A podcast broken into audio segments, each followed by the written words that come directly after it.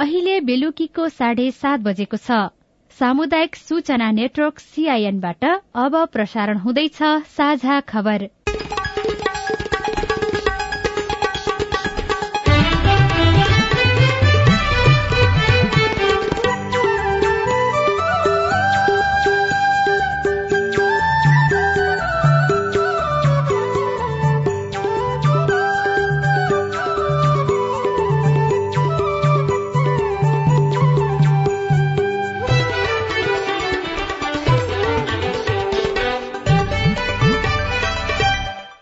सीआईएनको साझा खबरबाट सोभिता रिसालको नमस्कार। साझा खबर देशभरिका सामुदायिक रेडियो सीआईएन खबर डट कम र मोबाइल एप सीआईएनमा पनि सुन्न सकिन्छ।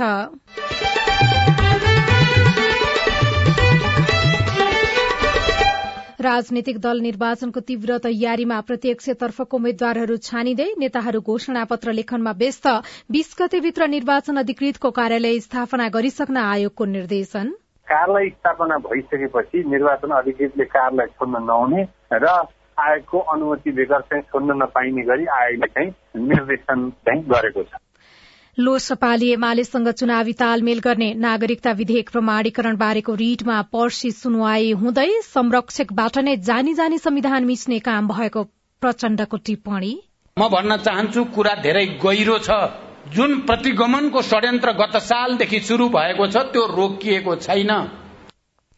जिल्ला प्रशासन कार्यालयहरूमा राष्ट्रिय परिचय पत्र बनाउनेहरूको भीड़ पहाड़ छोडेर तराईतिर बसाई सराई गर्नेहरू बढ़दै उच्च ट्राफिक जाम हुने स्थानमा फ्लाईओभर पुल बनाउने सरकारको योजना।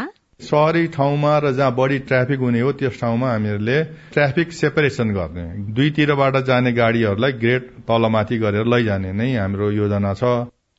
र साउदी अरबको मदिना शहरमा सुन र तामाको भण्डार भेटियो। हङकङले उडानका क्रममा लागू गर्दै आएको प्रतिबन्ध खुकुलो बनायो।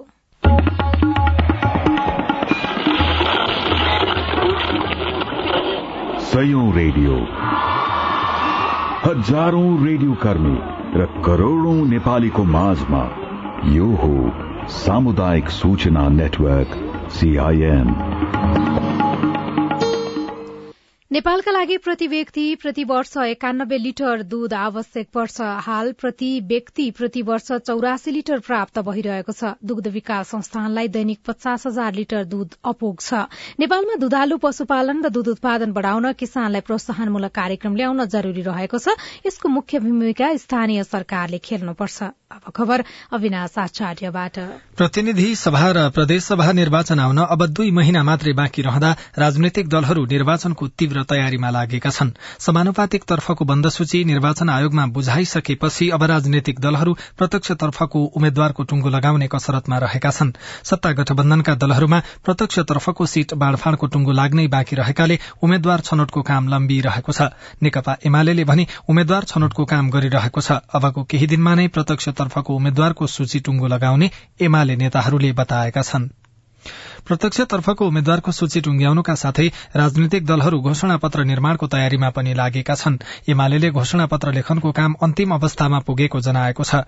कांग्रेसले पनि घोषणा पत्र निर्माण प्रक्रिया थालेको छ। महामन्त्री विश्व प्रकाश शर्मा नेतृत्वको एकचालिस सदस्यीय घोषणा पत्र तयारी समितिले घोषणा पत्र निर्माण गरिरहेको छ।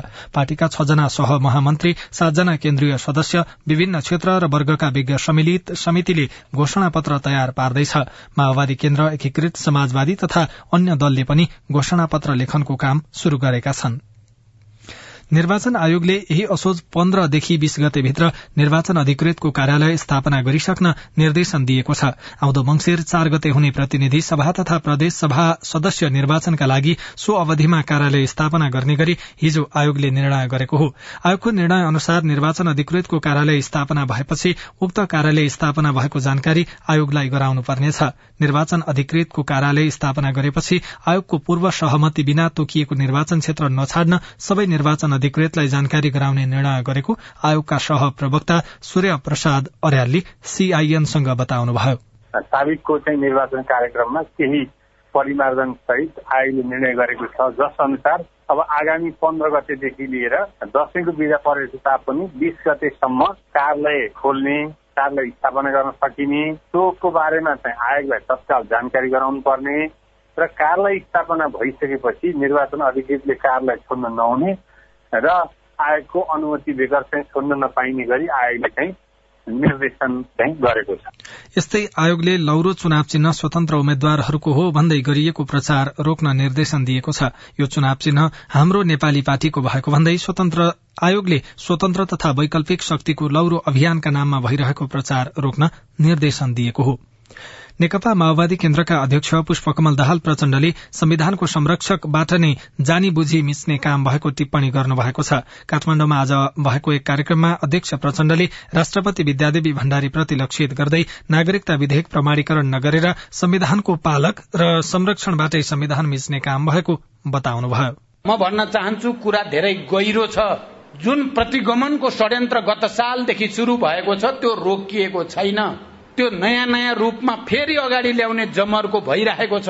हामीले आफ्नो सतर्कता गुमायौं भने हामीले हामी भित्रको एकतालाई कमजोर हुन दियौं भने हामीले आम किसानहरू मजदुरहरू सुकुम्बासीहरू सम्पूर्ण उत्पीडित वर्ग समुदायलाई आन्दोलित गरिराख्ने जागरूक गरिराख्ने संगठित गरिराख्ने आफ्नो अभियानलाई रोक्यौं भने कुनै पनि दिन प्रतिगमन हुन सक्ने खतरा छ। अमूर्त कुरा गरेको होइन। मैले मूर्त रूपमा भन्दैछु। अहिले संविधानको पालक र संरक्षकबाट नै जानी बुझी संविधान मिच्ने जो काम भएको छ यो सामान्य होइन। अध्यक्ष प्रचण्डले प्रतिगमन शक्तिहरू सबै एक भएर लागिरहेको दावी पनि गर्नुभयो। माओवादी विरूद्ध सामाजिक सञ्जालमा भ्रम छर्ने काम भइरहेको उहाँको गुनासो छ। लोकतान्त्रिक समाजवादी पार्टी लोसपाले एमाले लगायत दलसँग चुनावी सहकार्य गर्न मिति समिति बनाएको छ। पार्टीका वरिष्ठ नेता राजेन्द्र महतोको संयोजकत्वमा छ सदस्यीय समिति बनाएको अध्यक्ष महन्त ठाकुरले विज्ञप्ति निकालेर जानकारी दिनुभएको छ। समितिमा नेता शरद सिंह भण्डारी अनिल कुमार झा सर्वेन्द्र शुक्ला लक्ष्मणलाल कर्ण र जितेन्द्र सोनल रहनु भएको छ। सीआईएनसँग कुराकानी गर्दै समिति सदस्य झाले यसको लागि आफूहरूले अब छिट्टै काम शुरू गर्ने बताउनुभयो। प्राय नेताहरू काठमाडौँ बाहिरै हुनुहुन्छ। राजेन्द्र महतो शरद सिंह भण्डारी र म तिनैजना बाहिर छौँ। अब अध्यक्षले त्यो बनाइसके पछाडि अब उहाँको कुनै लेभलमा कुराकानी भएको होला र कुराकानीको आधारमा वार्ता टोली बनाउनु भएको होला जस्तो मलाई लाग्छ। अहिले पनि तपाईँहरूको एमालेसँग अनौपचारिक हिसाबले कुराकानी भइराखेको छ अथवा के छ? पहिलेदेखि नै अनौपचारिक रूपमा कुराकानी त भइरहेकै हो तर त्यसलाई औपचारिक रूपमा अगाडि बढाउनको निम्ति यो टोली बनाइएको होला। हामी काठमाडौँ भोलि पुगिसके पछाडि पर्सिबाट त्यो विषयमा गहनतम छलफल भएर एउटा निष्कर्षमा पुगिन्छ। एमालेसँग चुनावी तालमेल गर्नको लागि भनेर वार्ता टोली गठन नै भइसक्यो। यस्तो अवस्थामा चाहिँ अब सत्ता गठबन्धनसँग हुन सक्ने चुनावी तालमेलको सम्भावनाको त च्याप्टर नै क्लोज भएको हो। राजनीतिमा च्याप्टर त कसैसँग कहिले पनि क्लोज गर्नु हुँदैन र त्यो हाम्रो पार्टीले पनि गर्दैन। तर अहिले अब फोकस भनेको एमाले र अरू साना दलहरू हो सत्ता गठबन्धन होइन। सत्ता गठबन्धनसँग तालमेलका लागि गरेको प्रयास असफल भएपछि लोसपाले एमालेसँग सहकार्य गर्न लागेको छ। यसअघि एमाले र जसपाका नेताबीच विभिन्न चरणमा छलफल भए पनि औपचारिक रूपमा तालमेलको प्रयास भएको थिएन। नागरिकता विधेयक प्रमाणीकरण सम्बन्धी परेको रिटको सुनवाई पर्सि आइतबार मात्रै हुने भएको छ। आजका लागि पेशी तोकिए पनि ती रिटहरू हेर्न नभ्याइने सूचीमा परेपछि आइतबार मात्रै सुनवाई हुने भएको हो। राष्ट्रपति विद्यादेवी भण्डारी र राष्ट्रपतिको कार्यालयले संविधानको घोर उल्लंघन गरेको भन्दै नागरिकता विधेयक प्रमाणीकरण नगर्ने भएको सो निर्णय उत्प्रेषणको आदेशबाट बदर गर्न र नगरेको भए प्रमाणीकरण गर्नका लागि परमादेश दिन माग गर्दै रिट दर्ता भएको थियो। अधिवक्ताहरू सागर बराल सुनिल रञ्जन सिंह सुनिल कुमार यादव देव शर्मा र सोनु रौनियारले छुट्टा छुट्टै रिट दर्ता गर्दै राष्ट्रपति कार्यालय विरूद्ध रिट दर्ता गराउनु भएको थियो। तर आजको पेशीमा अन्तिममा परेका ती रिटहरू हेर्न नभ्याइने सूचीमा परेपछि अब पर्सि आइतबार ती रिटमाथि सुनवाई हुने सर्वोच्च अदालतका प्रवक्ता विमल पौडेलले जानकारी दिनुभयो। नेपालका मुख्य शहरहरूमा ट्राफिक व्यवस्थापनको समस्या चुनौतीपूर्ण बन्दै गएको छ। काठमाण्डु उपत्यका र राजमार्गसँग जोडिएका शहरहरूमा यो समस्या विकराल बन्दै गएपछि सड़क विभागले त्यस्ता शहरमा ट्राफिक व्यवस्थापनका लागि फ्लाई ओभर र अण्डरपासको अवधारणा ल्याएको छ। ट्राफिक जाम बढ़ी हुने विकसित मुलुकका शहरमा यस्तो अवधारणा प्रयोग गर्ने गरिएको छ। जंगली जनावर ओहोर दोहोर गर्ने स्थान शहरका मुख्य चोकहरूमा सड़कलाई तल र माथि बनाएर यातायात सञ्चालन गर्ने यो अवधारणा हाल काठमाण्डु र पूर्व पश्चिम राजमार्गमा लागू गर्ने गरी तयारी भइरहेको सड़क विभागको गुणस्तर अनुसन्धान तथा विकास केन्द्रका प्रमुख कैलाश कुमार श्रेष्ठले सीआईएनसँग बताउनुभयो। सहरी ठाउँमा र जहाँ बढी ट्राफिक हुने हो त्यस ठाउँमा हामीहरूले ट्राफिक सेपरेसन गर्ने। दुईतिरबाट जाने गाडीहरूलाई ग्रेड तलमाथि गरेर लैजाने नै हाम्रो योजना छ। त्यो अनुसार चाहिने जस्तो भनौँ पूर्व पश्चिम राजमार्ग अहिले फोर लेन बन्दैछ। हरेक ठुल्ठुला सहरहरूमा हाम्रो अब ग्रेड सेपरेटरहरू बन्दैछन्। त्यसको डिजाइन भइरहेछ। जस्तो पूर्वमा मेची तपाईँको बिर्ता मोड झापादेखि लिएर महाकाली कञ्चनपुरसम्मको ठाउँमा जहाँ जहाँ ठुला सडक दमक भन्नुहोस् अथवा इटरी भन्नुहोस् नारायणगढ हेटौँडा सबैतिर चाहिँ चाहिने अब यसरी ग्रेड सेपरेटरहरू राखेर फ्लाइओभर अथवा अन्डरपास के उपयुक्त हुन्छ त्यसरी तिनीहरू बन्ने योजना छँदैछ र त्यस्तै आवश्यकता अनुसार अन्य सड़कमा पनि बन्दै जानेछ। काठमाडौँ उपत्यका कोटेश्वर ग्वारको महाराजगंज चावही लगायतका स्थानमा पनि सोही अनुसार ट्राफिक व्यवस्थापन हुने उहाँले बताउनुभयो। चीनको सहयोगमा कलंकीमा भने यसअघि नै अण्डरपास निर्माण गरी सञ्चालनमा छ। चाडपर्वमा सम्भावित दुर्घटना रोकथाम र यातायातको सहज व्यवस्थापनका लागि समिति गठन गरिएको छ। गृह मन्त्रालयका प्रवक्ता फणेन्द्र पोखरेलको नेतृत्वमा छ सदस्यीय समिति गठन गरिएको गृहमन्त्री बालकृष्ण खाँडको सचिवालयले जनाएको छ। समितिलाई दशैं र तिहार लगायत चाडपर्वमा यातायात व्यवस्थापनबारे आवश्यक निर्देशन दिने अधिकार दिइएको छ। साझा खबरमा अब विदेशका खबर। साउदी अरबले मदिना शहरमा सुन र तामाको ठूलो भण्डार भेटिएको घोषणा गरेको छ। साउदी अरबको भूगर्भ सर्वेक्षण विभागले अयस्क मदिना क्षेत्रमा अबा अल राहको सीमाभित्र सो भण्डार भेटिएको सामाजिक सञ्जाल मार्फत बताएको छ। यस्तै विभागले अल मदिक र वादी अल फारा इलाकाको चार स्थानमा तामाको भण्डार भेटिएको पनि बताएको छ। अधिकारीहरूका अनुसार भण्डारबारे पत्ता लागेपछि देशमा त्रिपन्न करोड़ डलरको लगानी आउन सक्ने बताइएको छ भने झण्डै चार हजार भन्दा बढ़ी नयाँ रोजगारी सिर्जना हुन सक्ने अनुमान गरिएको छ। र हङकङको सरकारले आगामी सोमबारदेखि हङकङ आउने मानिसलाई अनिवार्य होटल क्वारेन्टीनमा बस्नुपर्ने बताएको छ। यात्रुहरूले अब हङकङ जाने विमानमा चढ़नु अघि कोरोनाको नेगेटिभ रिपोर्ट देखाउनु पर्दैन। यसको सट्टा उनीहरूले तीन दिनसम्म सम्भावित संक्रमणको लागि आफैलाई निगरानी गर्नुपर्नेछ। कोरोनाको विषयलाई लिएर हङकङले गरिरहेको यो कड़ाईको आलोचना भइरहेको थियो।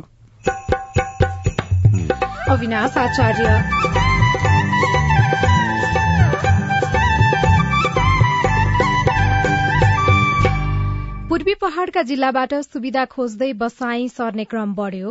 बिरामी भएको बेला मेन कुरो चाहिँ हस्पिटल पाउँदैन क्या अहिले पहाडी क्षेत्रमा। अनि त्यो हुँदा चाहिँ तराई झऱ्यो भने चाहिँ त्यहाँनिर अब ठुल्ठुलो हस्पिटल धेरै हस्पिटल जहाँ गए पनि भयो होइन। बसाई सराई रोक्न स्थानीय सरकारको भूमिका कमजोर रिपोर्ट। इलाका प्रशासन कार्यालयको कम्प्युटर बिग्रिएपछि दाङमा राष्ट्रिय परिचय पत्र बनाउन समस्या। कृषिमा पाँच वर्षमा प्रदेश सरकारको काम लगायतका विशेष सामग्री बाँकी नै छन्। सीआईएनको साझा खबर सुन्दै गर्नुहोला। अहिलेसम्मकै सर्वोत्कृष्ट नेपाली चलचित्र ऐना झ्यालको पुतली। एउटा भाइको रहरको कथा एउटी दिदीको सपनाको कथा। अनि एउटी आमाको संघर्षको कथा। देशैभर चलिरहेको छ राष्ट्रिय र अन्तर्राष्ट्रिय स्तरमा ख्याति पाएको नेपाली चलचित्र ऐना झ्यालको पुतली। मम्मी खाजा। मम्मी मेरो होमवर्क गर्ने कापी। बुहारी एकदम खुट्टा दुख्यो। बुहारी चिया खान मन लागेको थियो। बुढी कपडा मैलो भएछ। अरे मेरो परिवार भर्खरै सुनेको संवाद तपाईँलाई कस्तो लाग्यो? यही संवादलाई फेरि एकपटक यसरी सुनौ न है। मम्मी खाजा आज म बनाउँछु। मिठो बनाउँछु है।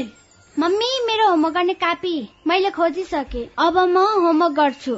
बुहारी एकदम खुट्टा दुख्यो। छोराले तेल तताएर लगाइदिएपछि अलि आराम भयो। बुहारी चिया खान मन लागेको थियो। सबैको लागि बनाएको छु। आऊ सबैजना खान। बुढी कपडा मैलो भएछ। घर नि कस्तो फोहोर। कपडा धोएर भ्याए। अब घर सफा गर्छु। कोरोनाको महामारीबाट बस्न पनि त सरसफाई जरुरी छ नि। आहा मेरो परिवार। तपाईँलाई दोस्रो संवाद कस्तो लाग्यो? पक्कै राम्रो लाग्यो।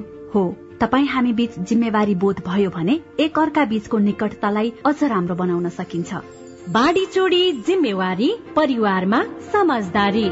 महिला बाल बालिका तथा ज्येष्ठ नागरिक मन्त्रालय युएन वुमन ल्याक र अकुराबको सहकार्य। सामाजिक रूपान्तरणका लागि यो हो सामुदायिक सूचना नेटवर्क सीआईएन तपाई सामुदायिक सूचना नेटवर्क सीआईएनले तयार पारेको साझा खबर सुन्दै हुनुहुन्छ।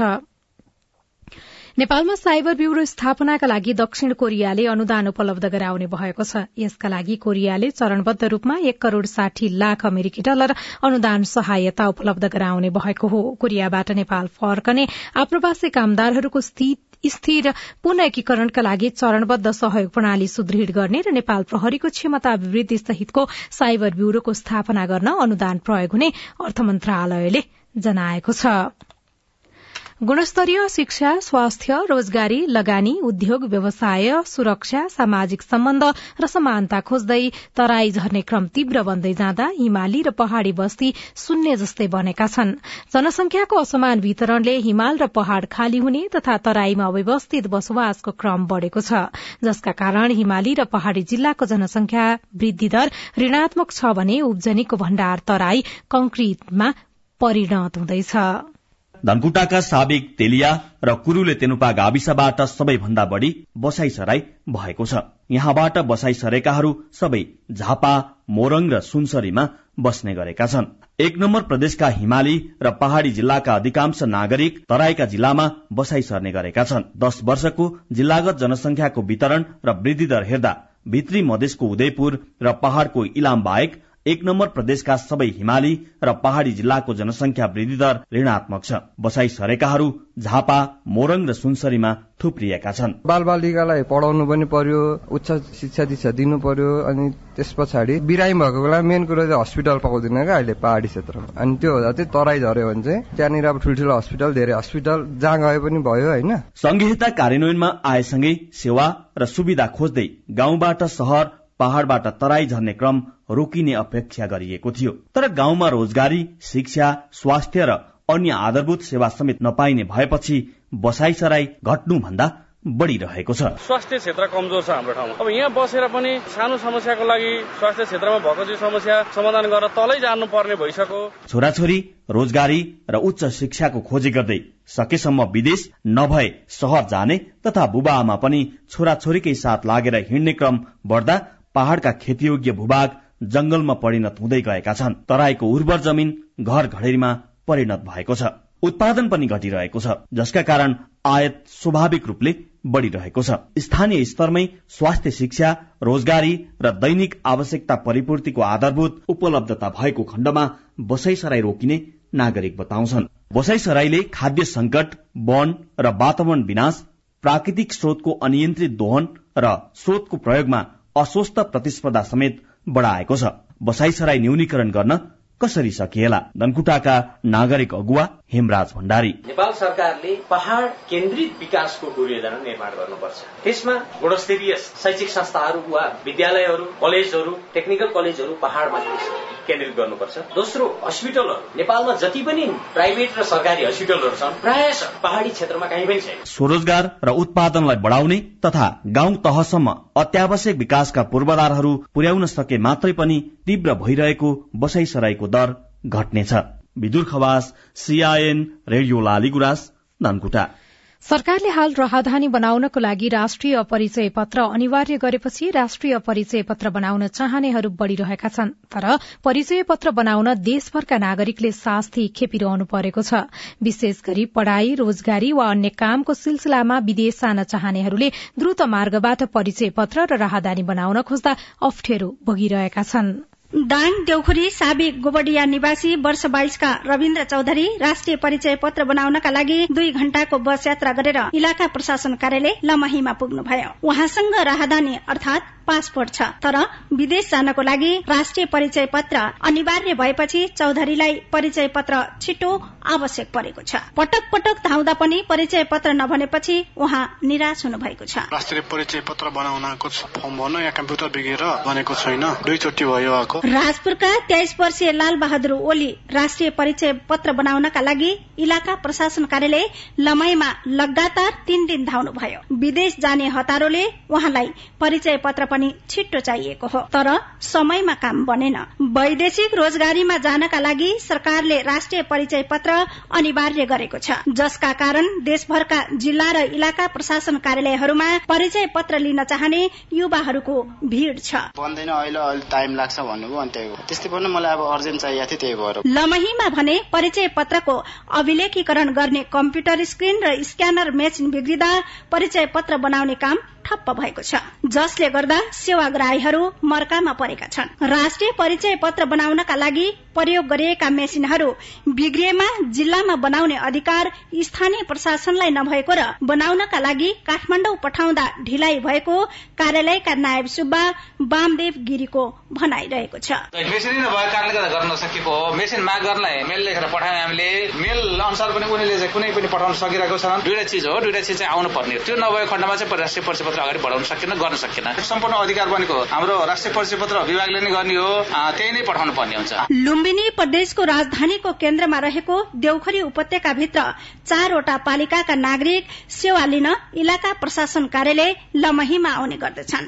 तर पन्ध्र दिनदेखि मिसिन बिग्रदा दैनिक पचास जना भन्दा बढ़ी सेवाग्राही परिचय पत्र बनाउन नपाएर खाली हात फर्किरहेका छन्। Lila Shah CIN radio highway Lamahi तर राष्ट्रिय परिचय पत्र तथा पञ्जीकरण विभागले जिल्लामा दक्ष जनशक्ति नभएका कारण पनि बिग्रिएका सामान मर्मत गर्न नसकिएको बताउँदै केन्द्रमा सम्पर्क गरेको खण्डमा तत्काल आवश्यक सामग्री पठाइदिने बताएको छ। सीआईएनसँग कुरा गर्दै निर्देशक लक्ष्मण ढकालले भन्नुभयो त्यो स्क्यानर होइन योहरू जिल्लामा बनाउनु चाहिँ बनाउँदो रहन्छ जिल्लामा गएर मान्छे हुँदा रहन्छन् तर हामीसँग गएर बिग्रियो भएर सम्पर्क गरेर त हामी त हात हातै पनि पठाएका छौँ त। सतहत्तरवटै जिल्लामा सामान बिग्रियो भने त्यसलाई काठमाडौँ ल्याउने मर्मत गर्ने र फेरि पठाउने यो प्रक्रिया त अलि झन्झटिलो भएन। त्यसलाई जिल्लामै कतै बनाउने व्यवस्था गर्न मिल्दैन। ल्यापटप चाहिँ बनाउन पाइँदैन। त्यसमा सफ्टवेयर राष्ट्रिय परिचय पत्रको सफ्टवेयर हुन्छ आधिकारिक सफ्टवेयर होइन। अरू स्क्यानर स्क्यानर चाहिँ पाइन्छ। तपाई सामुदायिक सूचना नेटवर्क सीआईएनले काठमाण्डुमा तयार पारेको साझा खबर सुन्दै हुनुहुन्छ। साझा खबर मोबाइल एप नेपाली पात्रोबाट पनि सुनिरहनु भएको छ। कृषिमा अनुदान पाएपछि नवलपरासीका किसान खुशी उताको बेलमा पनि उत्तिकै काँक्रा खेती लगाएको छ क्या। यो प्रधानमन्त्री कृषि आधुनिकरण परियोजनाको उसले गर्दाखेरि अनुदान कार्यक्रमले गर्दाखेरि चाहिँ प्रधानमन्त्री कृषि आधुनिकीकरण परियोजनाको प्रभाव रिपोर्ट। पाँच वर्षमा प्रदेश सरकारले कृषि क्षेत्रमा कति काम गरे लगायतका सामग्री बाँकी नै छ सीआईएनको साझा खबर सुन्दै गर्नुहोला।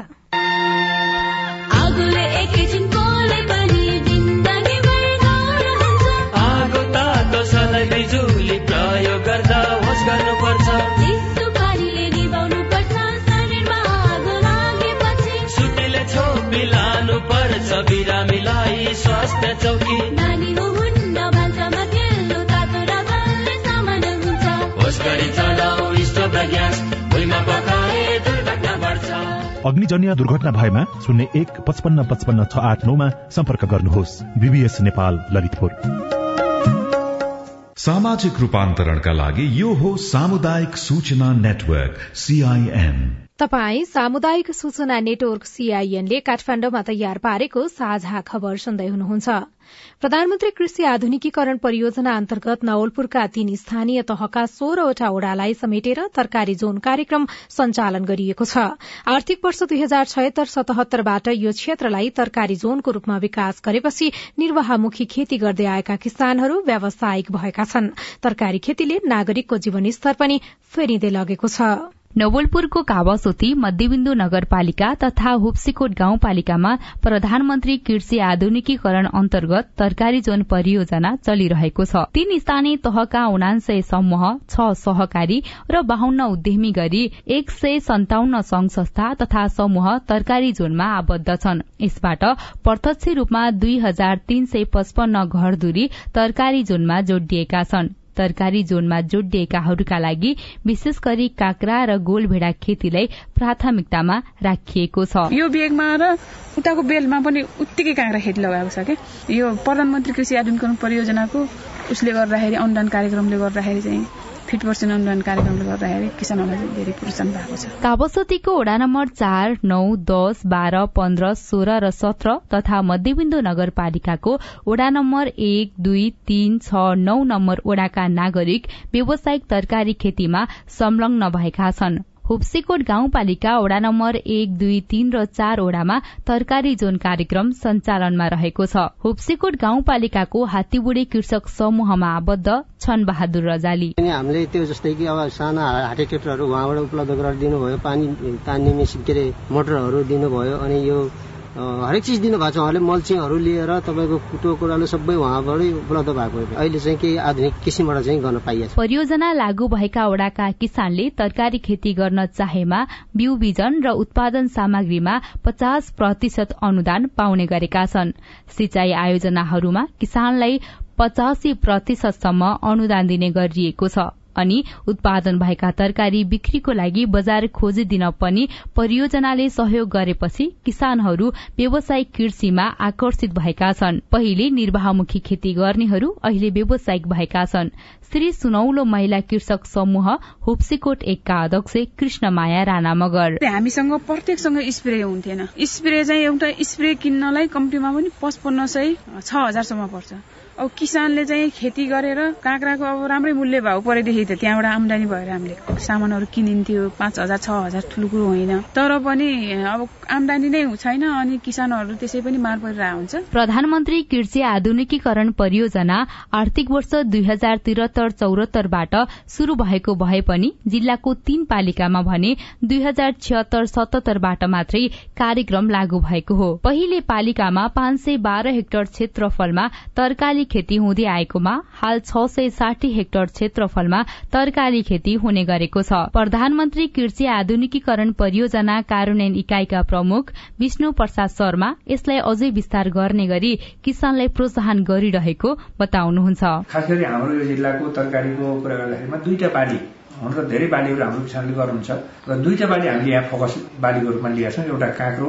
काँक्रो पनि भक्तपुर लोकल काँक्रो र अनि टमाटर। यसरी तरकारी जोन परियोजनामा जोडिएकाहरूले शुरूमा सामूहिक रूपमा कम्तीमा नौदेखि दस लाख लगानीमा तरकारी खेती शुरू गरेको भए पनि सरदर कम्तीमा वार्षिक एक करोड़ आमदानी गर्ने गरेका छन्। व्यावसायिक कृषि गर्न चाहनेहरूलाई प्रधानमन्त्री कृषि आधुनिकीकरण कार्यक्रम सारथी बनेको छ। पवित्रा पराजुली सीआईएन विजय एफएम नवलपुर कृषिमा आधुनिकीकरण गरी उत्पादन वृद्धि गर्दै खाद्य सुरक्षालाई प्रतिआभूत गर्ने र रोजगारी सृजना गर्ने प्रदेश सरकारहरूको लक्ष्य अनुसार दर्जनौ कार्यक्रम कार्यान्वयन भए। तर ती कार्यक्रमको प्रभावकारितालाई लिएर किसानहरूले नै प्रश्न गरिरहेको बेला प्रदेश सरकारबाट संचालित केही कार्यक्रमले भने किसानलाई राहत दिएको छ। कतै केही एक रुपियाँ पनि खुवाउनु परेन फर्म हेरेर आउनु भयो। यति किसानलाई नदिए कतिको लागि दिनुपर्ने भन्नुभयो त्यही नै हो। सहजै भयो त्यस्तो अब अरूले चाहिँ खै कति रिस कति खैस कति खुवाउनु पर्छ भन्दै थियो खै त्यस्तो त थाहै भएन मलाई त। अर्जुनधारा नौका किसान कृष्ण बहादुर कुमाल जसले प्रदेश सरकार मार्फत नमूना कृषि फार्म निर्माणका लागि छ लाख रूपियाँ अनुदान रकम पाउनुभयो। बाह्र वर्ष यता व्यावसायिक कृषिमा आबद्ध उहाँले बाह्र कट्ठा जमीनमा सीमित खेतीलाई अनुदान पाएपछि अढ़ाई बिघामा बढ़ाउनुभयो। यसले उहाँको आमदानी समेत चार गुणाले बढ़ाएको छ।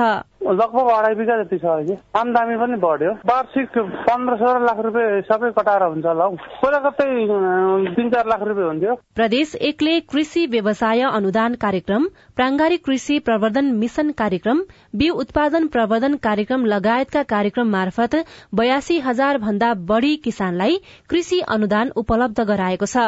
कृषि मन्त्रालयका सूचना अधिकारी डाक्टर गंगाराम यादव। प्रांगारिक मलको कार्यक्रम छ त्यसमा हामीले अनुदान उपलब्ध गराइरहेका छौँ र कृषकहरूमा त्यो प्राङ्गारिक मल युज गर्नुपर्छ माटोको क्वालिटी बिग्रिरहेको छ भन्ने हिसाबले पनि प्राङ्गारिक मललाई पनि जोड़ दिइरहेका छौँ। करिब उनासत्तरी प्रतिशत जमीन कृषि योग्य रहेको मध्य प्रदेशमा प्रदेश सरकार गठनपछि कृषि सड़कको निर्माण कृषि उत्पादन संकलन केन्द्र विस्तार कृषि उपजहरूको प्रशोधन र भण्डारण एवं बिक्री वितरणका लागि आवश्यक बजार समेतको व्यवस्था गरेको छ। बागमती प्रदेशले भने आफ्ना कार्यक्रमहरूमध्ये दुग्ध उत्पादन प्रवर्धन अनुदान कार्यक्रम प्रभावकारी भएको बताएको छ। बागमती प्रदेश कृषि तथा पशुपन्छी विकास मन्त्रालयका सूचना अधिकारी अनुप अधिकारी। प्रदेश दुग्ध विकास बोर्ड भनेर पनि दुई हजार छिहत्तर सालमा चाहिँ गठन भइसकेको अवस्था हो होइन? त्यसले पनि टिपिकल दुग्ध क्षेत्रमा संलग्न किसान होइन त्यहाँ व्यवसायीहरू उहाँहरूसँग व्यवसायिक कृषि उत्पादनमा युवा किसानको योगदान प्रदेश सरकारको आह्वान भन्ने नारा सहित गण्डकी प्रदेशमा तरकारीमा क्षेत्र विस्तारका आधारमा प्रोत्साहन कार्यक्रम मार्फत हालसम्म अन्ठाउन्न हेक्टर तरकारी खेती क्षेत्र विस्तार भएको छ। लुम्बिनी प्रदेशले भने माछा उत्पादन कार्यक्रम बिचौलियालाई निरुत्साहित गराइने कार्यक्रम लगायत स्मार्ट कृषि गाउँ निर्माण गरिरहेको छ। कृषि तथा भूमि व्यवस्था मन्त्रालयका प्रवक्ता अनिल मरासिनी। एउटा मुख्य कार्यक्रम भनेको स्मार्ट कृषि गाउँ कार्यक्रम हो। एक सय सोह्रवटा गाउँमा हामीले एकीकृत मोडल सेटको कार्यक्रम सञ्चालन भएको छ जसमा हामीले बयालिसवटा कस्टमर सेन्टर उन्नाइसवटा कृषि उपज सङ्कलन केन्द्र तीन सय सैतिसवटा टनेल चार सय तीस घरमा भकार सुधार जस्ता कार्यक्रम भएका छन्। कर्णाली प्रदेशले पाँच वर्षमा कर्णालीका किसानका लागि सिंचाईमा उपलब्धिमूलक काम गरेको बताएको छ। भूमि व्यवस्था कृषि तथा सहकारी मन्त्रालयका सूचना अधिकारी राम भक्त अधिकारी। त्यसको मुख्यतया कार्यक्रम हो कृषि सिँचाइ कार्यक्रम अहिलेको पनि प्रभावकारी भएको। जहाँ किसानलाई न्यूनतम पाइप स्प्रिङ्कलर अनि थोपा सिँचाइ साना प्लास्टिक पोखरी अथवा कुलो मर्मर सम्भारको आवश्यकता पर्छ। ती आवश्यकता परिपूर्ति गर्नको लागि हाम्रो बजेट विनियोजित भएको छ जसले गर्दा सानो बजेटबाट पनि ठूलो काम गरेर देखाएका छन्। सुदूरपश्चिम सरकारले पनि दुधालु बाख्रा पालन गरेर बाख्राको दूधको चीज उत्पादन गर्नेदेखि रैथाने भैँसी र कुखुराको व्यवसायीकरणसम्मका कार्यक्रमहरू सञ्चालन गरिरहेका छन्। सुशीला श्रेष्ठ सीआईएन राजनैतिक दल निर्वाचनको तीव्र तयारीमा जुटेका छन्। प्रत्येक क्षेत्रफको उम्मेद्वारहरू छानिने क्रम पनि शुरू भइरहेको छ। नेताहरू घोषणा पत्र लेखनमा व्यस्त छन्। बीस गतेभित्र निर्वाचन अधिकृतको कार्यालय स्थापना गरिसक्न निर्वाचन आयोगले निर्देशन दिएको छ। लोसपाले एमालेसँग चुनावी तालमेल गर्ने भएको छ। नागरिकता विधेयक प्रमाणीकरण बारेको रिटमा पर्सी मात्रै सुनवाई हुने भएको छ। र संरक्षकबाट नै जानी जानी संविधान मिच्ने काम भएको माओवादी केन्द्रका अध्यक्ष पुष्पकमल दाहाल प्रचण्डले टिप्पणी गर्नुभएको छ। आजलाई साझा खबरको समय सकियो। प्राविधिक साथी सुरेन्द्र सिंहलाई धन्यवाद। भोलि असोज आठ गते बिहान छ बजेको साझा खबरमा फेरि भेटौँला। अहिलेलाई सोभितारी साल पनि विदा हुन्छु नमस्कार शुभरात्री।